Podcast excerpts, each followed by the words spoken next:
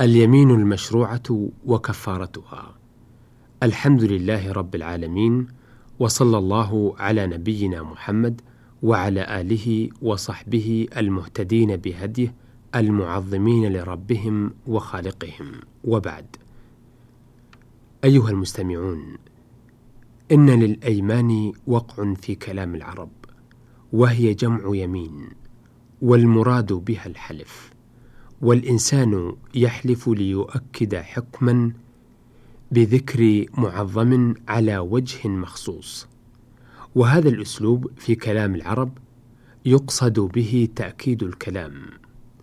وحروف القسم عندهم الواو والياء والتاء فيقول والله وبالله وتالله.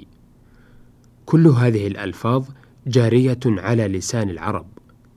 إلا أن استعمالها للواو أكثر.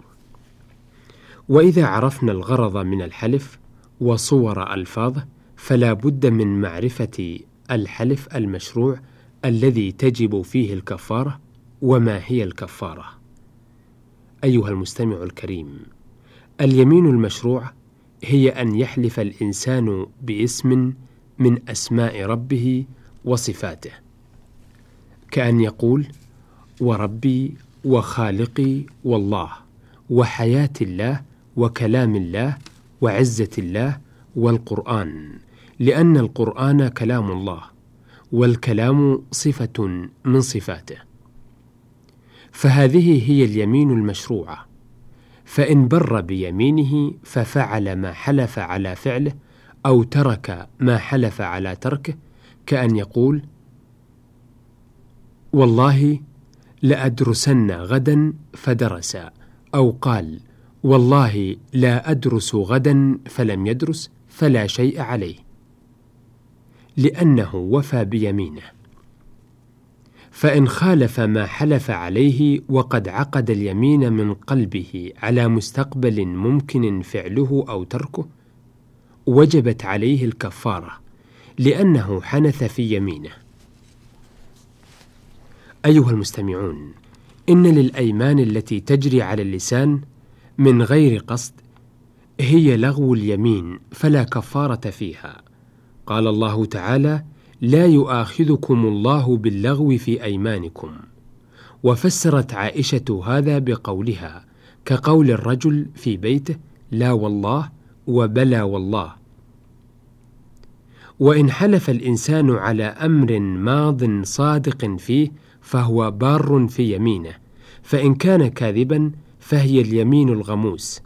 وقد سميت باليمين الغموس لأنها تغمس صاحبها في الإثم. ولا كفارة لها إلا التوبة والندم. وليحذر المسلم من اليمين الغموس لأن فيها وعيد شديد في القرآن والسنة. اختصم الأشعث بن قيس هو ويهودي في أرض. فقال الرسول عليه الصلاة والسلام للأشعث ألك بينة؟ قال لا. قال فلك يمينه. فقال الأشعث إذا يحلف ويأخذ مالي. فنزلت إن الذين يشترون بعهد الله الآية. وقال صلى الله عليه وسلم من اقتطع مال امرئ مسلم بيمينه لقي الله وهو عليه غضبان. قالوا وإن كان شيئا يسيرا يا رسول الله؟ قال وإن كان قضيبا من أراك. أيها المستمعون بعد أن عرفنا اليمين التي تجب فيها الكفارة والتي تجب فالمراد بالتكفير إذن أراد الإنسان أن يخالف ما حلف عليه أو خالفه وكان ذاكرا مختارا مكلفا. ولم يقل في يمينه إن شاء الله فإن قال إن شاء الله أو خالف يمينه ناسيا أو مكرها فلا شيء عليه.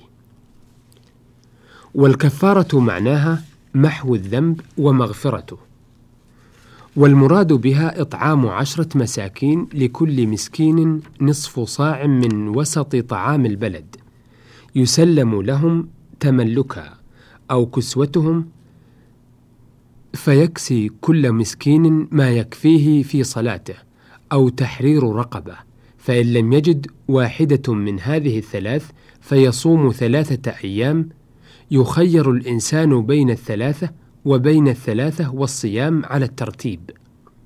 قال الله تعالى: لا يؤاخذكم الله باللغو في أيمانكم ولكن يؤاخذكم بما عقدتم الأيمان فكفارته إطعام عشرة مساكين من أوسط ما تطعمون أهليكم أو كسوتهم أو تحرير رقبة فمن لم يجد فصيام ثلاثة أيام ذلك كفارة أيمانكم إذا حلفتم.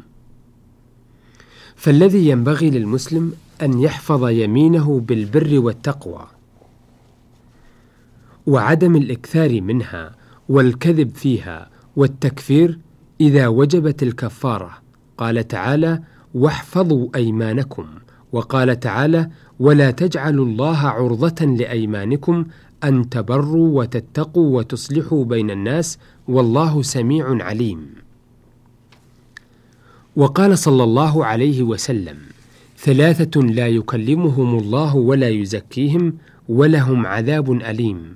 وذكر منهم الرجل الذي ينفق سلعته بالحلف الكاذبة فلا يبيع إلا بيمينه ولا يشتري إلا بيمينه. وعلى المسلم ألا يحلف إلا على خير فلا يحلف على فعل محرم أو ترك واجب أو فعل مكروه كقطيعة رحم وعدم فعل الخير.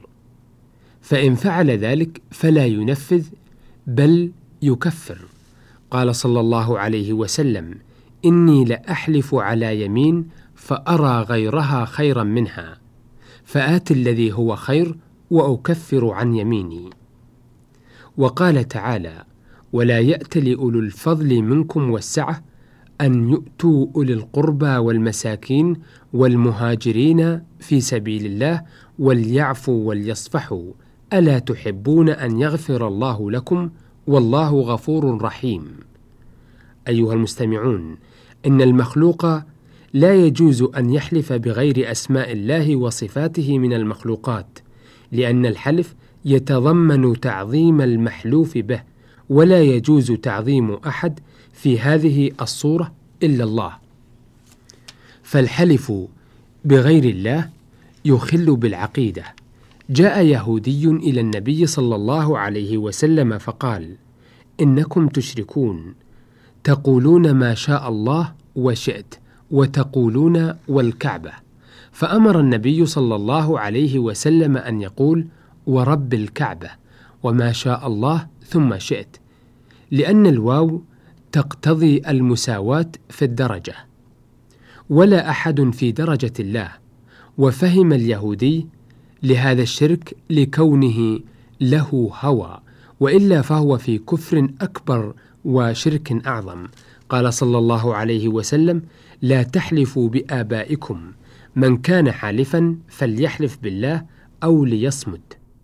والحلف بغير الله كثير في المسلمين هدى الله ضالهم. ولما كان الحلف بغير الله ينافي كمال التوحيد إذا لم يقصد الحالف تسوية المحلوف به بالله فإن قصد ذلك فهو مناف للتوحيد.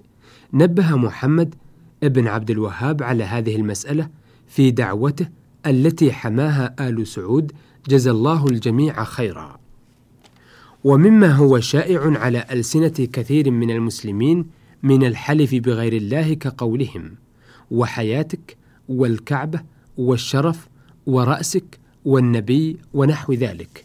فعلى من يفعل ذلك لكونه اعتاده لسانه أو جاهلا أو قاصدا أن يتقي الله ويترك كل ما يخل في عقيدته بالله. والرجوع إلى الحق فضيلة والتمادي في الباطل رذيلة. نسأل الله أن يرينا الحق حقا ويرزقنا اتباعه وأن يرينا الباطل باطلا ويرزقنا اجتنابه. وصلى الله على محمد وعلى آله وصحبه وسلم.